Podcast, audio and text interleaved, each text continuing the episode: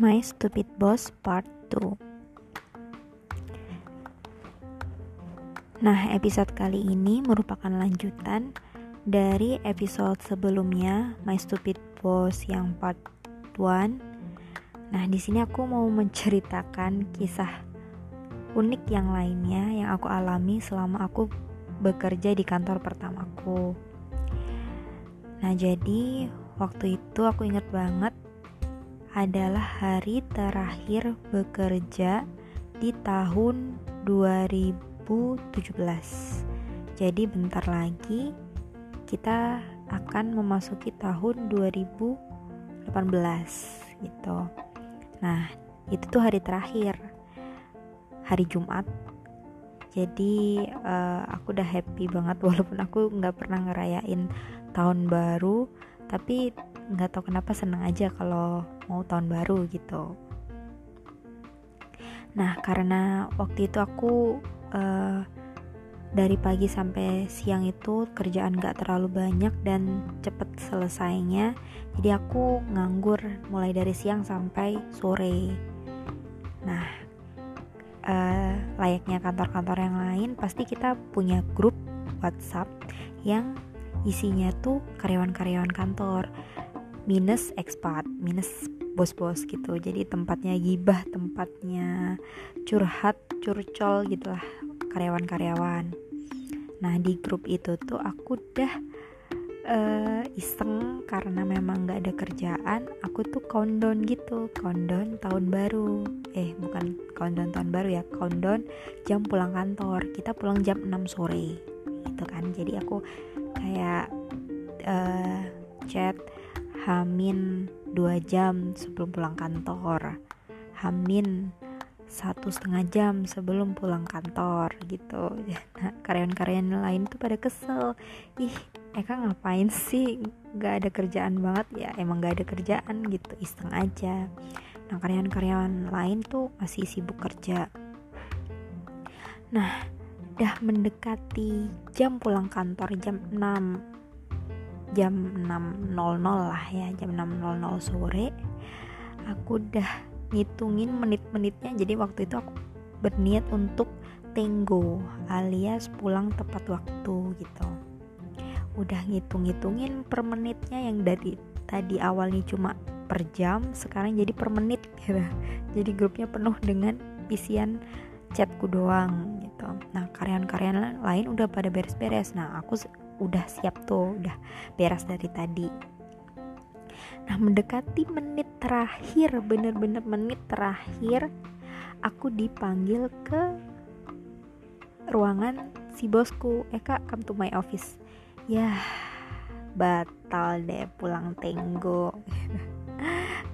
Nah di saat aku dipanggil uh, ternyata aku dikasih kerjaan. Eka tolong pokoknya intinya selesaikan beberapa berkas data gitu. Terus aku tanya e, sir ini kapan deadline-nya? Oh deadline-nya? Deadline-nya sekarang. Jadi uh, saya tunggu ya segera dikerjakan. Oke. Okay.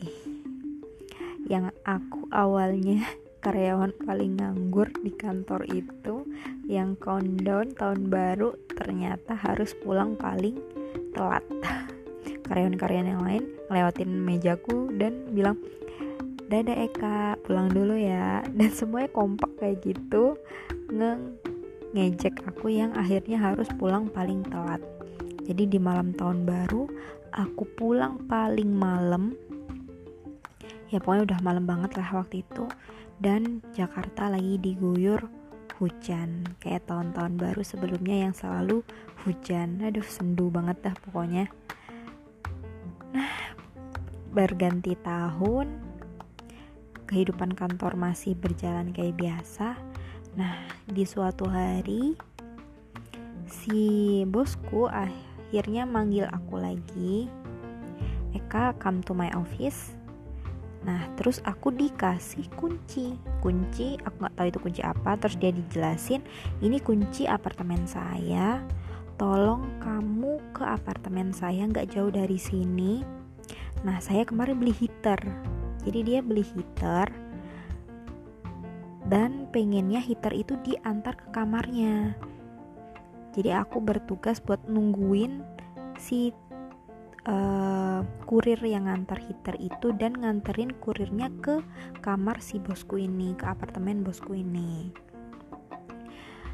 Nah di situ aku oh ya oke okay lah. Tapi karyawan-karyawan lain pada marah kenapa sih kok kamu di jam kantor dikasih tugas yang bukan job desk kantor gitu malah kebutuhan pribadi dia? Tapi karena aku di situ ya masih baru ya aku manut-manut aja. Dan di situ aku dikasih uang cash 14.000 14.000 jadi dia bilang biasanya tuh uh, dia naik gojek 14.000 pp jadi satu kali berangkat 7.000 jadi aku dikasih uang pas 14.000 buat naik gojek. Oke, aku berangkat akhirnya ke apartemennya bosku, terus nungguin tukang uh, kurirnya di depan apartemen. Nah, terus dan berhubung waktu itu paketan internetku habis jadi aku nggak bisa ngubungin kurirnya. Jadi aku cuma nunggu aja bingung gimana nanti kalau nggak ketemu sama kurirnya. Dan akhirnya aku ngelihat ada uh, mobil box berhenti di depan apartemen dan kutanya uh, ini pesanan bapak ini bukan ya pak uh, heater gitu. Kata oh iya benar gitu. Ah alhamdulillah nih dimudahkan. Oke aku nganter si kurirnya itu ke kamar apartemen si bosku terus naruh heaternya di kamarnya. Oke selesai. Pulanglah aku. Nah pulang itu karena aku nggak ada paket internet bingung. Akhirnya aku pinjem HP si satpam apartemen buat pesen gojek. Dan gojeknya ternyata 8000 jadi pulang pergi aku harus bayar 15000 padahal tadi aku dikasih uang cuma 14.000 ya ampun ternyata aku harus nombok 1000 ya bukan masalah nombok seribunya tapi ini masalahnya udah disuruh nombok lagi. Ya udah uh, akhirnya aku balik kantor dengan wajah yang murung gitu kayak aduh kenapa juga harus aku yang antar heater dan aku kasihkan kuncinya kembali ke bosku. Terus bosku cuma bilang terima kasih. Oke. Okay. oke okay, selesai ya pak di sini ya. Nggak ada ya seharusnya kan biasanya kalau kita minta tolong sama orang kan setidaknya uangnya dikasih lebih gitu jaga-jaga biar uh, uangnya tuh nggak kurang. Nah sedangkan bosku ini ngasih uang pas 14 ribu. Itu kalau dipikir aja kayak kalau aku pun nyuruh orang minta tolong orang lain buat kayak gitu pasti terkasih uang lebih gitu. Biar orang itu nggak nombok dan bosku enggak ngasihnya uang pas 14 ribu dan aku nombok 1000 nah gitulah. Nah setelah ya aku cuma bertahan beberapa bulan doang karena aku merasa uh, ternyata nggak sesuai ekspektasi banget kerjaannya. Job desknya juga mulai uh, carut marut artinya udah nggak jelas lagi kerjaanku apa karena susah banget ngefollow bosku ini. Jadi dia susah gitu. Apa pun kerjaan yang aku submit dia tuh nggak segera di review jadi tiba-tiba lupa terus lama banget. Dia baru tanya lagi Eka kerjaan yang ini mana? Lah kan udah lama banget saya submit sir gitu. Oh iya tolong kirim lagi. Ulang terulang lagi terulang lagi terulang lagi. Jadi aku ngerasa kayak eh, nggak uh, nggak cocok nih. Kayaknya aku harus cari kerjaan yang lebih baik gitu. Nah terus aku ngajuin resign di bulan ke 6 jadi aku ngajuin resign ke HRD-nya dan kebetulan aku deket banget sama ibu-ibu HRD-nya yang ngebantu banget pokoknya selama aku resign ngurus segala keperluan aku untuk resign. Nah aku udah ngajuin uh, sebelumnya aku udah ngajuin tapi katanya jangan dulu uh, tunggu bulan depan gitu. Aku nggak tahu kenapa terus aku ngajuin lagi di bulan depannya. Jadi aku ngajuin surat resign udah dua kali ke HRD nah terus datanglah aku ke exit interview. Nah, exit interview ini juga menurutku gokil. Kenapa? Uh, jadi aku alasannya kenapa mau resign soalnya aku pengen kerja di lapangan gitulah sok-sokannya. Padahal sebenarnya aku cuma pengen resign aja gitu. Saya pengen kerja di lapangan ser yang sesuai dengan yang uh, yang saya impikan. Eh, bukan impikan ya sesuai dengan minat saya gitu nah terus si bosku ini bilang kamu uh, menyia-nyiakan deh kak kalau kamu resign dari perusahaan ini padahal kan ini perusahaan yang bagus yang uh, punya masa depan yang bagus gitu loh perusahaan yang intinya besar gitu loh. Kamu tuh menyanyiakan kesempatan buat bekerja di perusahaan sebagus ini gitu. Terus aku sama HRD-nya cuma bingung gitu kok bisa dia dengan PD-nya bilang perusahaan kita ini perusahaan yang bagus padahal udah tahu perusahaan kita ini cuma perusahaan middle gitu. Nah terus ya aku tetap kekeh aja kalau aku tuh pengen resign karena pengen cari pekerjaan yang lebih sesuai sama passionku gitu. Nah terus beliau bilang lagi e, kami tuh udah investasi banyak loh kak ke kamu. Kamu udah ikut uh, semin kayak pelatihan pelatihan gitu.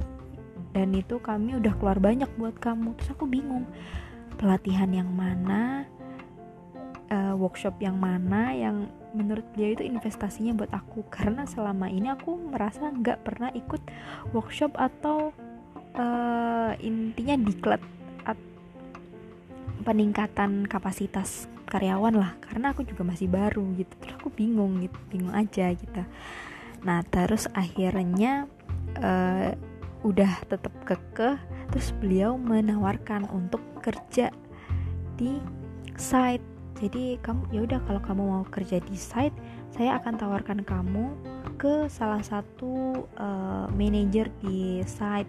Ya saya juga nggak bisa menjamin kalau dia bakal menerima kamu tapi ya bisa aja saya mempersuasif dia untuk menerima kamu gitu. Terus aku ya ampun. Ya intinya aku cuma pengen keluar gitu loh pak. Tolong dong memudahkan saya setidaknya untuk kali ini gitu. Terus uh, akhirnya setelah buntu semua solusi dari bapaknya semua kata-kata dari bapaknya itu tetap nggak membuat aku berkelit untuk tetap pindah atau resign. Jadi akhirnya kita selesaikan exit interview di situ nah di hari terakhir aku kerja karyawan-karyawan yang lain tuh pada uh, istilahnya bikin uh, farewell party gitu. Hmm, pesta perpisahan kayak beliin makanan banyak terus kita makan-makan bareng gitu. Terus ada beberapa juga yang kasih kado. Nah sedangkan bapaknya gak mengucapkan satu patah kata pun enggak mengapresiasi apa pun. Dan ketika aku udah mau pulang itu udah aku udah pulang paling terakhir pulang beres-beres mejaku dia cuma datang dan mengucapkan mengucapkan satu kata Eka thank you ya. Udah selesai. Oke selesai deh gitu. Ya seperti itu satu dari banyak cerita-cerita lucu juga. Sebenarnya aku nggak mungkin cerita semuanya tapi itu yang paling berkesan dan sampai sekarang masih aku ingat. Dan itu akan selalu jadi kenangan yang menurutku paling lucu dalam hidupku.